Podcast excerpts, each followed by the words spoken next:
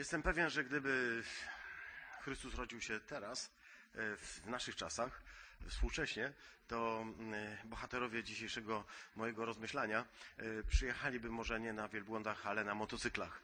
Więc w tym sensie absolutnie odpowiada to e, rozważanie temu wszystkiemu, co się będzie działo za chwilkę. E, Zapraszam do e, rozważania z okazji e, święta e, objawienia pańskiego, czyli święta Epifanii, które zatytułowałem e, Cenniejsza niż złoto. Epifania cenniejsza niż złoto. I przeczytamy fragment, który pochodzi z pierwszego listu Piotra. Pierwszy list Piotra, trzeci wiersz do siódmego. Tutaj tylko chcę powiedzieć, że nieraz nie wiem, którego użyć y, slajdu. Czy tego jako wstępnego, przepraszam, y, czy tego, czy tego. I tak zostawiłem dwa wstępne. Y, Okej. E, Pierwszy list Piotra, wiersz od, rozdział pierwszy, wiersz od trzeciego do siódmego. Błogosławiony niech będzie Bóg i Ojciec Pana naszego Jezusa Chrystusa, który według swojego wielkiego miłosierdzia odrodził nas do nadziei żywej przez powstanie Jezusa Chrystusa z martwych. Do dziedzictwa niezniszczalnego i niesplamionego i niewiędnącego, które zostało zachowane w niebiosach dla was, którzy mocą Bożą strzeżeni jesteście przez wiarę dla zbawienia, przygotowanego, aby objawić się w ostatecznym czasie. Cieszcie się z nim, zasmuceni teraz po trosze, kiedy trzeba, różnorodnymi próbami, po to, by doświadczenie waszej wiary, cenniejsze niż zniszczalne złoto, choć w ogniu próbowane, dało o sobie znać dla wywyższenia chwały i czci w objawieniu Jezusa Chrystusa. Amen. Bardzo Ci dziękujemy, Ojcze, za to, że Ty codziennie posyłasz swoje słowo. Ciągle jest dzień łaski. Panie, ten czas ciągle trwa. I dziękuję Ci za to, że wchodzimy w ten czas, jesteśmy w nim, za to, że ten czas jak rzeka przepływa przez nasze serca. Spraw, Panie, abyśmy dzisiaj nie chcieli odprawiać uroczystości, ceremonii, ale uchwycić realność tego czasu i dostrzec i przyjąć to, co dzisiaj, w tym czasie do nas też powiedzieć, co Duch mówi dzisiaj do Kościoła. Chcemy to usłyszeć, chcemy to przyjąć i chcemy, aby to w nas rozwinęło się i urosło jak wspaniałe drzewo, które będzie miejscem zamieszkania wszystkich ptaków. Panie, niech będzie imię Twoje uwielbione na wieki. Halleluja. Amen. E, Jak wiemy, to święto, które dzisiaj, a właściwie Wigilia dzisiaj e, tego święta, bo to jutro e, święto objawienia pańskiego, zwane popularnie u nas w Polsce świętem Trzech Króli. Mm, To oczywiście długa tradycja, nie będę rozwijał czemu ono się tak nazywa. W święcie mm, na wschodzie generalnie znane jest jako święto objawienia i raczej jako święto chrztu pańskiego, stąd nazywa się je popularnie także świętem Jordanu. Już dzisiaj chcę Was zaprosić na e, nabożeństwo z okazji święta Jordanu do Kościoła Prawosławnego. Będą mieli to zgodnie z liturgią e, kalendarza e, ju- juliańskiego. Myślę 17 w sobotę 17 stycznia. Rozmawiałem z księdzem Mar- Markiem Markiem Antonowiczem, który zaprosił także i nas na, do tego wydarzenia, do świętowania święta Jordanu. My na nie tak popularnie mówimy, choć ono nazywa się tak naprawdę świętem yy, Chrztu Pańskiego. Odbędzie się o 9 rano, mówią yy, w Elblągu na ulicy Sadowej. Myślę sobie, ja byłem na tym święcie kiedyś u nich i powiem szczerze, że bardzo mi przypomina nasze nabożeństwa świątkowe, ponieważ yy, starocerkiewno-słowiański też nie jest językiem, który rozumiem.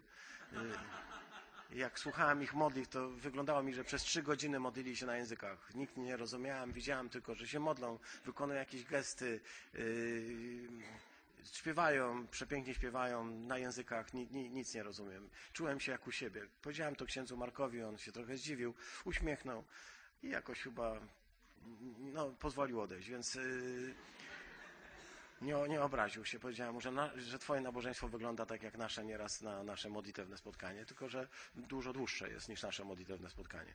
Yy, Jeśli więc ktoś by miał chwilkę czasu. To takie zaproszenie trochę mm, już yy, yy, wspominające wydarzenia związane z Tygodniem Modlitw Jednych Chrześcijan. Jeśli pozwolicie, przeczytałem ten tekst, ponieważ on w jakiś sposób nawiązuje do wydarzeń, które opowiada nam Mateusz. Jako jedyny ewangelista wspomina nam tę historię, którą wszyscy dobrze znamy, historię o tym, że Bóg pewnego dnia poruszył serca jakichś magów. My na nich mówimy królów albo mędrców, ale tam jest magoi, magowie. To bardzo nieładne słowo. W języku y, chrześcijańskim właściwie nie występuje, bo nie lubimy magów. Wiemy, jak wielką opozycję ma w kościołach ewangelicznych Harry Potter choćby, tak? Więc magowie i wszystkie czarnoksiężnicy to raczej są postacie nie z naszej bajki. Tymczasem z jakichś niewiadomych do końca niejasnych powodów znaleźli się w Ewangelii i to wcale nie jako czarna owca, tak? Jest taki mag, który nam się nie podoba, to Szymon Mag, opisany przez Łukasza w ósmym rozdziale, ale to postać bardzo niefajna, natomiast ta postać, te postacie, czyli ci magowie, to postacie absolutnie e, fenomenalnie pozytywne, ponieważ e, oni e, dokonali czegoś niesamowitego, podjęli pewną próbę, jak powiedziałem, może by to zrobili na motocyklach dzisiaj, pewnie wtedy y, zrobili to albo pieszo, albo na wielbłądach. Często ich tak się właśnie y, możemy widzieć w przedstawieniach w, w tradycji. Y, zwrócę jednak uwagę na to, że ci pogańscy magowie, pewnie pochodzący gdzieś z Persji, możliwe, że wyznawcy Zaratusztry, sięgający głęboko y, w starożytność, jeszcze naprawdę taką y, bardzo, bardzo odległą. Zaratusztranizm to przecież religia monoteistyczna, jedna z najstarszych religii monoteistycznych i bardzo interesująca z punktu widzenia religioznawcy, teraz mówię, z punktu widzenia chrześcijanina może to niekoniecznie. Religia ognia, tak byśmy mogli to powiedzieć, w której oczekuje się na Sao Shianta, czyli na Mesjasza, tam też się oczekuje. Możliwe, że y, szukali tego w swoich księgach, czyli w Awestie. No i y, jednak nie tylko, bo też w tej wersji nauki, jaką wtedy uprawiono, uprawiano, y, stamtąd, z tego obszaru Mesopotamii, Persji, przybyła do nas kultura to Sumer, Sumeroakad, Babilon e, e, i Asyria, ale także Chaldeja, to myślę Klaudia mm, jako studentka tego kursu historii mm, na studiach miała o tym sporo. Reszta pewnie coś tam kojarzy. Babilon, Sumer, Akad, Asyria, może coś było Chaldea, ale takie słowa pewnie ziąsiątkowe. Nie, nie, niekoniecznie rozumiem, co on powiedział teraz. Owi y, magowie przybyli z dawnego centrum kultury, które już dawno podupadło i w czasach Imperium Rzymskiego było już tylko odległą przeszłością, ale wciąż zajmowali się nauką rozumianą po swojemu. Dla mnie ten tekst, y, gdy go czytam, od pewnego momentu, od pewnego okresu, kiedy zacząłem czytać, y, jest jakby spotkaniem nauki i wiary, ponieważ ci magowie, którzy tutaj są przedstawieni, to są przedstawiciele jakby wczesnego świata nauki, tak byśmy powiedzieli. A nauka e, to jest e, chyba ta, ten obszar aktywności człowieka, którego celem jest poznanie prawdy. Myślę, że tutaj stoimy nieraz w takiej opozycji, mianowicie nauka czy wiara. Wiemy, że ta opozycja jest sztucznie wymyślona. Wiemy, że nie ma czegoś takiego jak opozycja między nauką a wiarą. Albo wierzysz, albo jesteś y, człowiekiem nauki. Wiemy nawet więcej, że większość naukowców to ludzie, którzy wierzą. Że większość ludzi, którzy osiągnęli wysokie e, notowania, również otrzymali Nagrody Nobla, także z fizyki czy z innych dziedzin, to ludzie, którzy oficjalnie przyznają się do tego, że są ludźmi wierzącymi. Nauka i wiara nie stoją w opozycji. Y, Bóg Biblii, którego głosimy, nie jest Bogiem, który nie uznaje naszego umysłu i naszych badań naukowych. Ja myślę natomiast, że oczywiście po jednej stronie są ludzie, którzy głosząc Boga Biblii, głoszą różne bzdury przy okazji, upierając się przy różnych rzeczach. Spotkałem człowieka, który próbował mnie przekonać na przykład do tego, że Ziemia jest płaska. Inny człowiek powiedział, że jeśli ktoś nie wierzy w to, że cała Ziemia była oblana wodą w czasie potopu, to znaczy, że, że jest kłamcą i Boga czyni kłamcą w związku z tym on nie chce mieć z nimi nic wspólnego. Jeśli pierwsze pytanie, wierzysz w to, że cała Ziemia była oblana wodą? Jeśli nie wierzysz w to, to ja nie będę z tobą rozmawiał, bo nie jesteś wierzącym człowiekiem. Ja, ja nie wierzę w, w w to, czy ziemia była oblana wodą cała, czy nie cała. Ja wierzę w Boga i to jest dla mnie fundamentem mojego życia. Y, A to, w jaki sposób ją też Biblia mm, została spisana, w jakich kulturach i w jakich postaciach, to zostawmy to też y, w jakimś sensie każdemu do y, decyzji, bo później okazuje się właśnie, że ci y, szczególnie gorliwi trochę chyba narażają chrześcijaństwo nieraz na taki stan, kiedy nagle się okaże, że, że wiesz, ośmieszamy. Y, I, I tutaj tego bym się bał. Ja się Biblii nie boję i nie boję się tego, żeby powiedzieć, że nauka i wiara są ze sobą ściśle związane. Boję się natomiast tego, kiedy y, pseudonauka lub pseudowiara się ze sobą spotkają. Wtedy rzeczywiście to wygląda na to, że to nie są rzeczy uporządkowane. Y, Kiedy czytam ten tekst, to uświadamiam sobie, że jako chrześcijanie wierzymy w to, że Chrystus jest jedyną drogą do Ojca. I my to głosimy. Mówimy, że do Boga Ojca nie można dojść inaczej, jak tylko przez Chrystusa. Nie ma innej drogi. Jesteśmy w tym absolutnie, bym powiedział, fanatyczni, tak? Y, Możemy być tak nazywani. Nie wierzymy, że do Boga Ojca można dostać się w, w, w różny inny sposób. Natomiast wiemy, że do Chrystusa każdy z nas dochodzi jakąś inną ścieżką. Paweł e, apostoł, kiedy jeszcze był Saulem e, e, gdzieś z Tarsu, e, dotarł do Boga zupełnie przedziwnie. Miał głęboką niechęć do jego, do uczniów Chrystusa i prześladował. Spotkał Chrystusa na swojej drodze do Damaszku. Ja spotkałem Boga w drodze na, na górę, której stał krzyż. Ty spotkałeś Chrystusa w, swoim własnym e, życiu, w jakimś wyjątkowym miejscu. Każdy z nas mógłby jakieś inne świadectwo powiedzieć o tym, w jaki sposób spotkał Chrystusa. Ale tego Chrystusa, który ostatecznie jest jedyną drogą do Ojca. I będziemy to podkreślać, bez względu na to, co będzie się mówiło o nas, chrześcijanach. Że jesteśmy nietolerancyjni, że Boga można poznać inaczej, że ludzie też mogą poznać Boga. My będziemy mówić, jedynym, który nam wskazuje i który jest prawdziwą drogą do Boga, jest Jezus Chrystus. Tego będziemy się trzymać, bez względu na to, co będą o nas mogli sądzić inni i jak bardzo to wyklucza innych. Ponieważ sami odkryliśmy to, co Biblia nam przez cały czas pokazywała wcześniej, że innej drogi do Ojca nie ma, jak tylko przez Chrystusa. Natomiast do Chrystusa rzeczywiście te drogi są bardzo różne. Szukali go, szuka, szukał go Paweł, chociaż nie wiedział. Szukałem go ja, chociaż też nie wiedziałem. To jest najbardziej zaskakujące, prawda, w, w, poszukiwaniu Pana Boga, że okazuje się, że Ty go naprawdę szukasz, choć gdyby Cię ktoś zapytał, nie szukałem Cię, Panie. Nie szukając Cię, ciągle miałem do Ciebie głęboką tęsknotę. Było we mnie coś głęboko zakodowanego. Tak bardzo bym chciał doświadczyć tego, co jest życiem, co jest szczęściem, co jest błogosławieństwem, jakkolwiek bym tego nie nazywał. Tymczasem druga strona e, to, to nauka, która też ma obowiązek poszukiwania prawdy.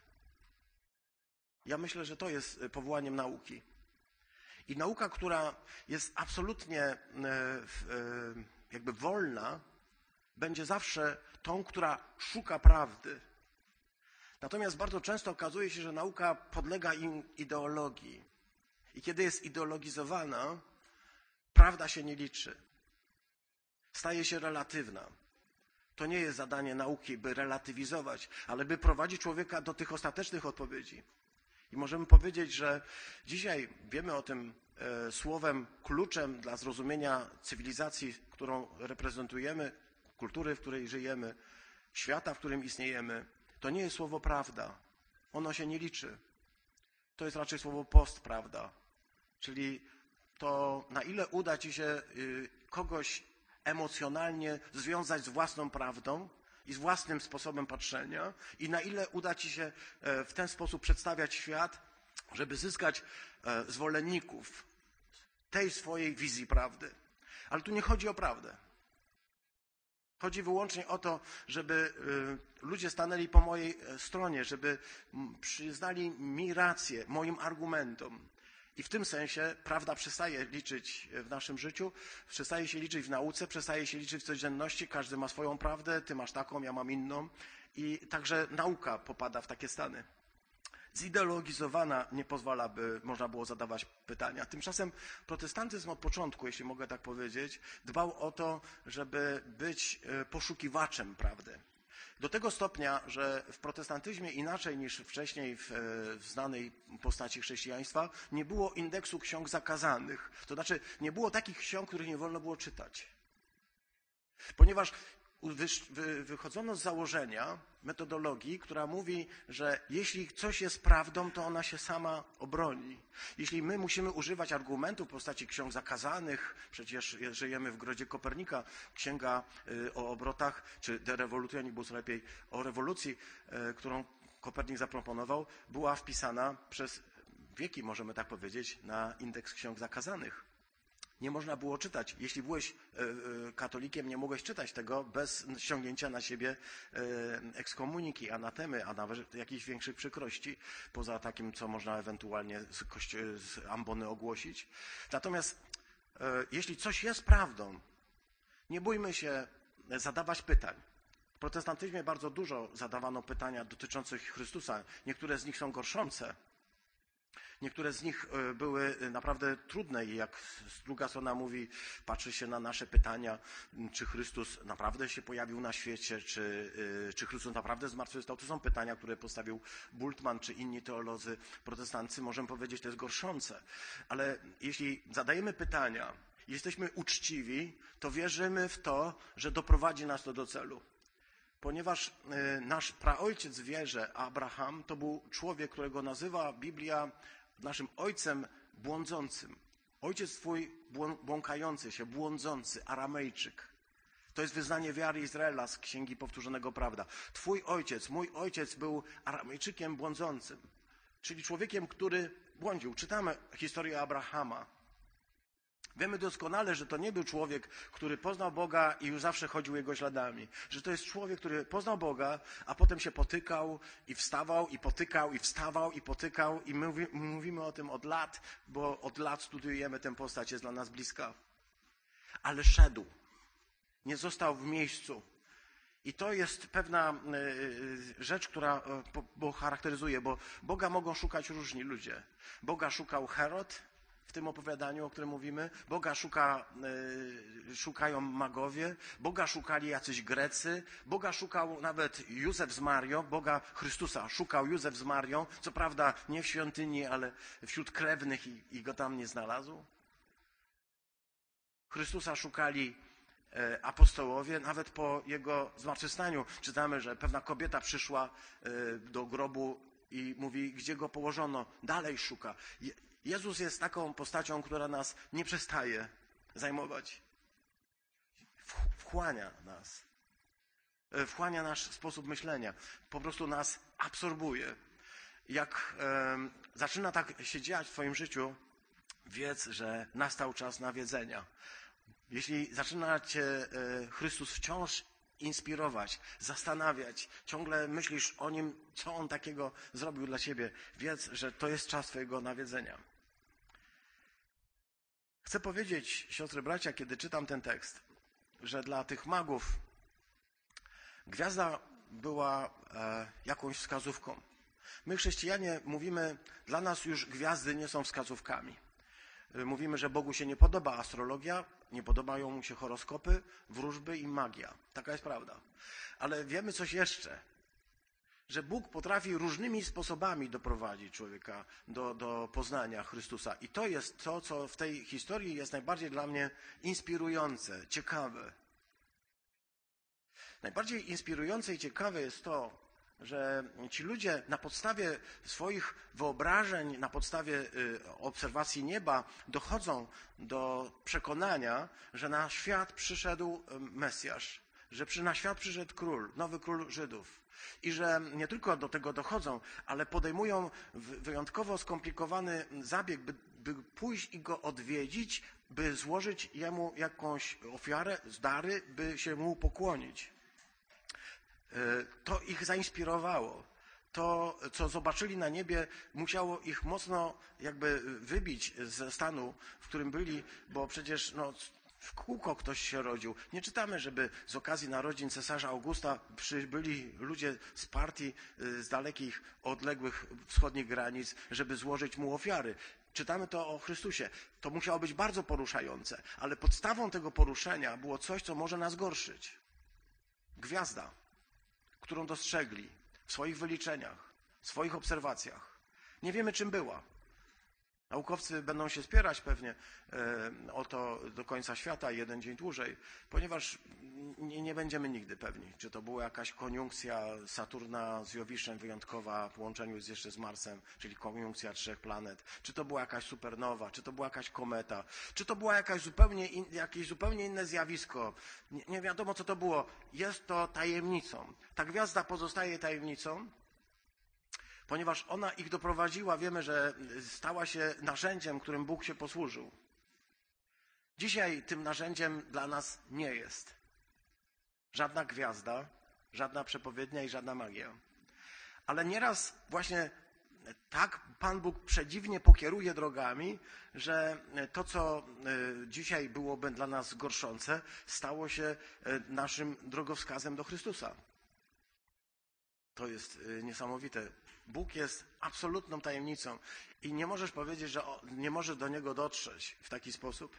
Gdy, ja do Niego dotarłem, to muszę powiedzieć, znalazł mnie w bardzo przedziwnych okolicznościach i dla wielu ludzi wierzących, takich ewangelicznie wierzących, te okoliczności mogłyby spowodować, że mogliby powiedzieć, słuchaj, to nie Pan Bóg, bo On, on się brzydzi takimi rzeczami, jakimiś nabożeństwami takimi, które nie są Jemu poświęcone. A On mnie tak właśnie znalazł. Wiem na pewno. Zrobił to 35 lat temu, nie wiem jak dawno temu. Zrobił to dawno temu i wiem, że to wywarło na mnie takie wrażenie, że dzisiaj jestem tutaj i dzisiaj głoszę Jego słowo, będąc przekonany o tym, jak głęboko dotknął mojego serca wtedy. Ale to nie wyglądało tak bardzo ortodoksyjnie. Mamy bowiem w sercach taki rodzaj osądu, w, której, w którym Pan Bóg musi działać zgodnie z naszym wyobrażeniem, a jak nie działa zgodnie z naszym wyobrażeniem, to znaczy, że to nie jest Pan Bóg. Nie. Bóg nigdy nie pozwoli, żebyśmy mu narzucili sposób, w jaki ma przemówić do człowieka. Przemówi w zależności od kultury, w zależności od świadomości, w zależności od stanu wiedzy, w zależności od y, pewnych y, zjawisk, które wiążą się z mentalnością. Bóg do każdego z nas przemawia inaczej, prowadząc nas do Chrystusa. Natomiast tutaj spotykamy e, człowieka bardzo nieprzyjemnego o niewdzięcznym imieniu Herod. Herod to Heros, półbóg. Ja myślę, że Herod dlatego nas niepokoi, ponieważ jest tym wszystkim, czym my, jakby to powiedzieć, zgodnie z y, pokusą węża chcielibyśmy mieć, chcielibyśmy być. Herod to znaczy ktoś, kto jest półbogiem. Wiemy, znamy Herosów antycznej Grecji. Achilles, y, Perseusz czy jacyś inni, którzy osiągali taki status y, półboga. Mieli nieraz Boga za ojca, matkę, y, jakby to powiedzieć, Mateusz, ziemiankę. No, może taką, no, kobietę ludzką. Taką. Nie w znaczeniu ziemianki, żeby ktoś nie pomyślał sobie. A więc nie do końca Bóg. I to jest przecież to pokuszenie, które się pojawiło w, w, w, Edenie. Pokuszenie, które brzmiało, że będziecie jak Bóg. Herod jest właśnie kimś takim prawie jak Bóg. Wiesz, to słowo prawie jest tutaj kluczowe, nie? Prawie jak Bóg. Ale prawie robi wielką różnicę, jak mówi reklama. I też to nieważne. Herod e, nie może się pogodzić z tym, że mm, ma przyjść na świat inny król niż ten, którego on sobie wyobrazi. Ponieważ mm, jeśli Herod reprezentuje, mm, no, możemy powiedzieć bardzo różne rzeczy, może reprezentować diabła, może reprezentować e, e, jakiś, jakąś władzę polityczną, wiesz, ale może też reprezentować moją starą naturę.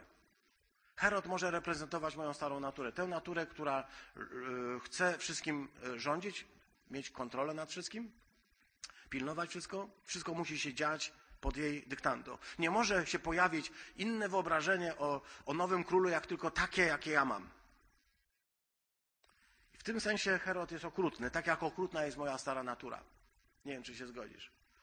Jeśli chodzi o moją starą naturę, się zgodzisz. Moja stara natura jest okrutna. A jaka jest twoja stara natura? Też jest okrutna. Ona jest okrutna, ona jest bez miłosierdzia. Ona nie ma sumienia.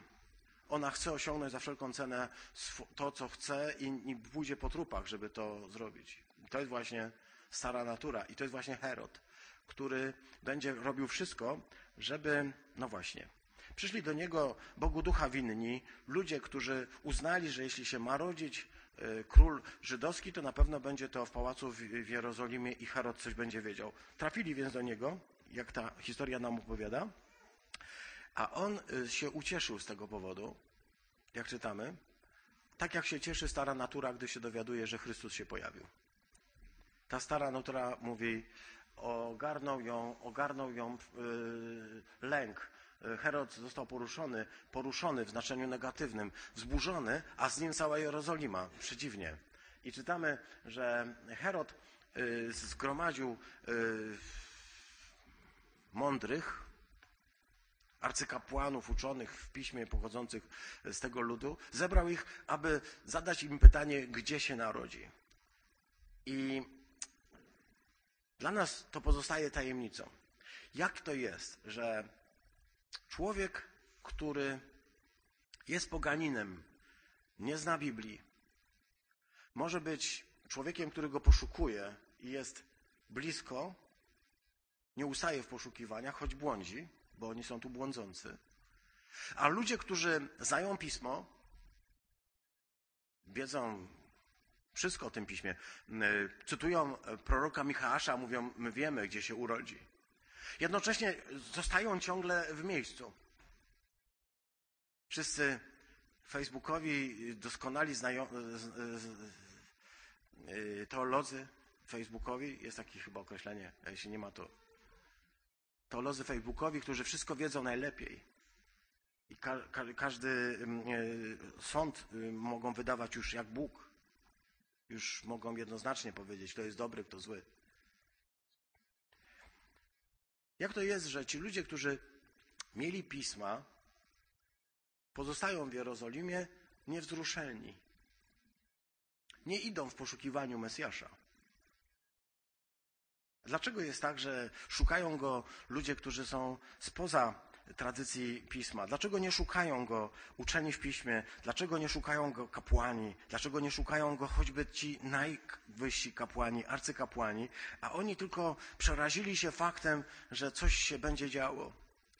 Czy to nam, siostry bracia, coś mówi? Czy to nas nie, nie niepokoi? Ponieważ to jest dla nas największe zagrożenie to przekonanie, że my mamy rację i że prawda jest po naszej stronie i że my możemy spokojnie siedzieć tu sobie i zostać w tym miejscu. Tymczasem Biblia pokazuje nam przedziwną rzecz, że ludzie, którzy no, nie mieli prawa poznać Boga, poznają Go, że gwiazda, która nie ma prawa być drogowskazem, stała się drogowskazem, a pisma stały się tylko y, epizodem. Mają iść do Betlejem, tam się narodzi ów król. No i jeszcze y, przebiegłość węża. To nie jest znak, ale wiedz, że kiedy zaczynasz iść za Bogiem, y, za Twoimi stopami zaczyna, y, wokół Twoich stóp zaczyna krążyć wąż. On zaczyna gdzieś tak, no tutaj jest to ładnie powiedziane. Powiedział Herod, we, we, wezwawszy skrycie, i w skrytości mówi, skrycie to zrobił, bo wąż tak działa, w skrytości, tak przychodzi zawsze, i w skrytości mówi, kiedy ukazała się ta gwiazda, pyta ich, a potem mówi do nich tak, w wierszu ósmym, idźcie i wypytajcie się dokładnie o to dziecko. Jeśli je znajdziecie, dajcie mi znać, żebym ja poszedł i pokłonił się mu. Magowie są Bogu ducha winni. Oni nie wiedzą, że właśnie są wplątywani w pewną intrygę. On nie ma szczerych intencji on już podjął decyzję, że tego nowego tak zwanego Mesjasza czy króla on zamierza po prostu zlikwidować. Nikt nie będzie w jego państwie rządził bez jego wiedzy. Nikt nie będzie. Y, on zamierza co złe bez jego, y, bez pytania jego zdanie. On zamierza e, zgładzić to dzieci. On już wie o tym, ale nie powie tego wprost. On zaczyna e, używać magów do swoich celów. Dobrze, to na, jest takie pojęcie, e, w polityce używa się go pożyteczny idiota. Nie będę tego rozwijał. On chciał z nich zrobić takich użytecznych idiotów, takich, którzy są no, nieświadomi tego, dadzą się wkręcić i będą mogli ostatecznie stać się przyczyną śmierci tego dzieciątka. Bogu ducha winni przyjdą i opowiedzą mu wszystko, opowiedzą mu z wielkim entuzjazmem, jak spotkali te dziecię i jak się to dziecię nazywa i gdzie mieszka i jak się nazywają, zamknąć temat i nie ma y, już problemu. On będzie miał na tacy wszystko podane, będzie mógł pójść, wysłać się paczy i zamknąć temat i nie ma y, już problemu. Oni mogliby wrócić nawet z przekonaniem, o, widzieliśmy króla, będzie fajnie, ale on już nie żyje, bo właśnie go sprzątnął. Jak uniknąć takiej pułapki, kiedy nas wkręca e, zły w takie historie? On zawsze będzie nas wkręcał. Idźcie, wypytajcie dokładnie, a jeśli je znajdziecie, dajcie mi znać, a ja pójdę i się mu pokłonię. Skąd ja mogę wiedzieć, że jest e, w kimś taka fatalna intencja? Że ktoś mnie wkręca, że ktoś chce mnie wykorzystać, ktoś chce zrobić ze mnie pożytecznego idioty do swoich celów. Będzie mi po prostu opowiadał bajki niestworzonej banialuki. Te pułapki są niebezpieczne. Chcę powiedzieć, że idąc za Chrystusem, spotykasz takie pułapki. Te pułapki są niebezpieczne bardzo. Z jednej strony chcesz mu się pokłonić, z drugiej strony otwierasz drzwi dla jego wrogów. Tu widać, jak wielką rolę musi pełnić ciągle taka, e, takie wyczulenie na, na Boga, wyczulenie na Jego głos. Bo to, co czytamy na końcu tej historii, to to, że magowie poszli inną drogą. Po spotkaniu z Chrystusem idzie się już inną drogą. Już się nie wraca do starych rzeczy. Tylko wtedy unikniesz pułapek. Jeśli nie będziesz szedł, my ciągle działamy. A siostry bracia, to jest najtrudniejsza rzecz, jaka może nam się przytrafić, ponieważ my ciągle działamy utartymi schematami. Jesteśmy w nich wychowani, zakodowane są w nas. Jak trudno jest nam zmienić nasz sposób myślenia. Ale magom się to udało. Przyszedł do nich anioł, powiedział im, słuchajcie, nie możecie wracać tamtędy, musicie iść inną drogą. I on dzisiaj przychodzi do nas i mówi tak, nie, nie wracaj swoimi ścieżkami utartymi. Nie myśl w, w taki schematyczny sposób. Ponieważ jeśli oprzesz się wyłącznie o swój umysł i swoje rozumienie rzeczy, to nie uda ci się uniknąć pułapek Heroda. Nie będziesz umiał odróżniać dobrego od złego. Wyrusz inną drogą i będziesz ciągle podążał za własnym sposobem myślenia. Bóg mówi: wyrusz inną drogą. Po spotkaniu z Chrystusem nie iść tą samą drogą, nie myśl w ten sam sposób. Uświadom sobie, że spotkanie z Chrystusem rodzi zupełnie nową rzeczywistość w Twoim sercu. Musisz zacząć iść inną drogą. To nie jest droga, którą do tej pory szedłeś. No dobrze, a jaka to droga? To jest droga, na której otwieram się na działanie Ducha Świętego, na Jego wyjątkową inspirację. Ktoś mnie wczoraj zapytał, czy można zastąpić przykazania Starego Testamentu przykazaniami Nowego Testamentu? Pomyśl sobie przez chwilkę. Czy nie byłoby fajnie, gdyby ktoś spisał wszystkie 13 przykazań ile i zrobił z nich listę przykazań? W Starym Testamencie było 613 przykazań. Ile jest w Nowym Testamencie?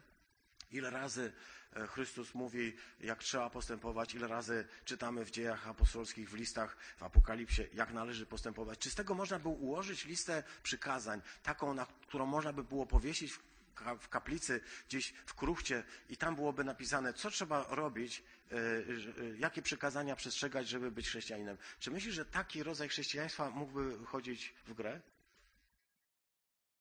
Bo ja myślę, że nie ponieważ już to raz było i się nie sprawdziło. Ponieważ potrzebujemy czegoś, co ożywi. Bez Ducha Świętego ducha. Dlatego my jako chrześcijanie chcemy podkreślać to i mówić, bez Ducha Świętego nadziejesz się prędzej czy później na Herodów, którzy cię będą wykorzystywać i zrobią z ciebie pożytecznego idiotę. Będziesz człowiekiem, który nie będzie umiał rozumieć, y, rozróżnić, co jest dobre, co złe.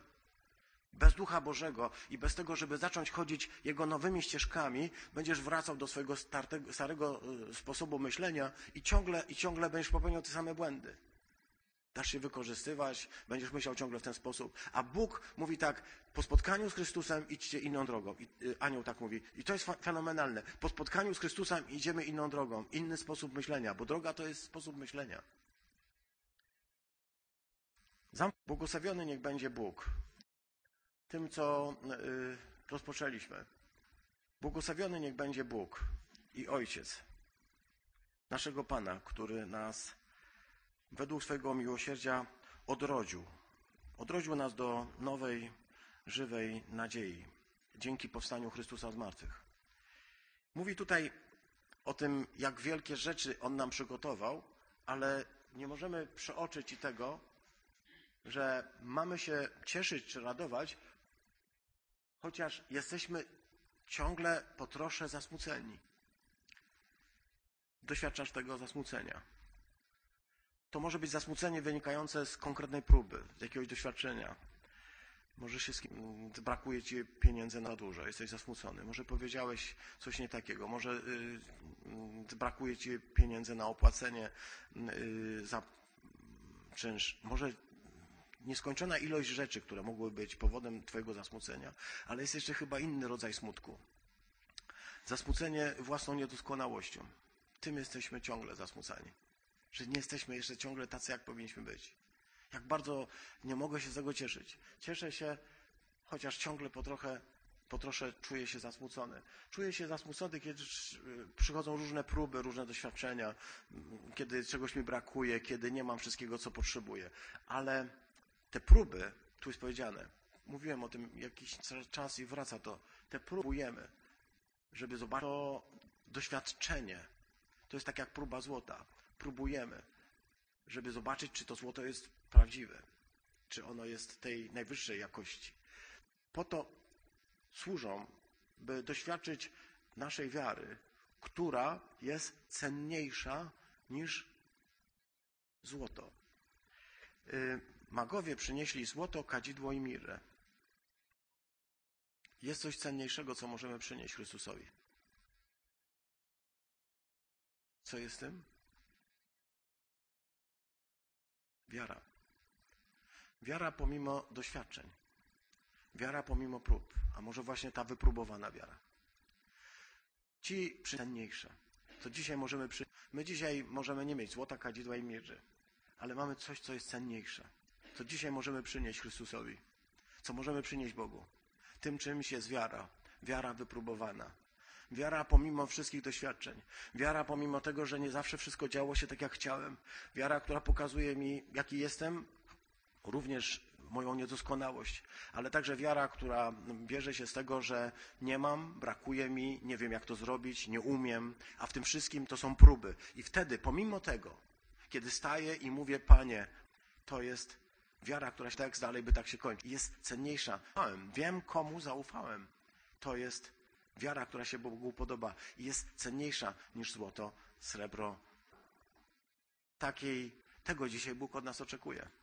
Takiej, takiego daru, takiej, e, takiego serca by chciał. Czy dzisiaj możemy stanąć i powiedzieć, Panie, srebra i złota nie mam, ale co mam, to Ci daję. Wierzę, że jesteś moim Panem, że umarłeś za moje grzechy. Wierzę, że oddałeś życie za mnie, dlatego oddaję życie Tobie. To wszystko, co mam. Moja najgłębsza, najszczersza wiara w to, że nie ma piękniejszej i ważniejszej osoby w moim życiu niż Ty. Zebraliśmy się tutaj, aby Ciebie wielbić. Zebraliśmy się, ponieważ Cię kochamy.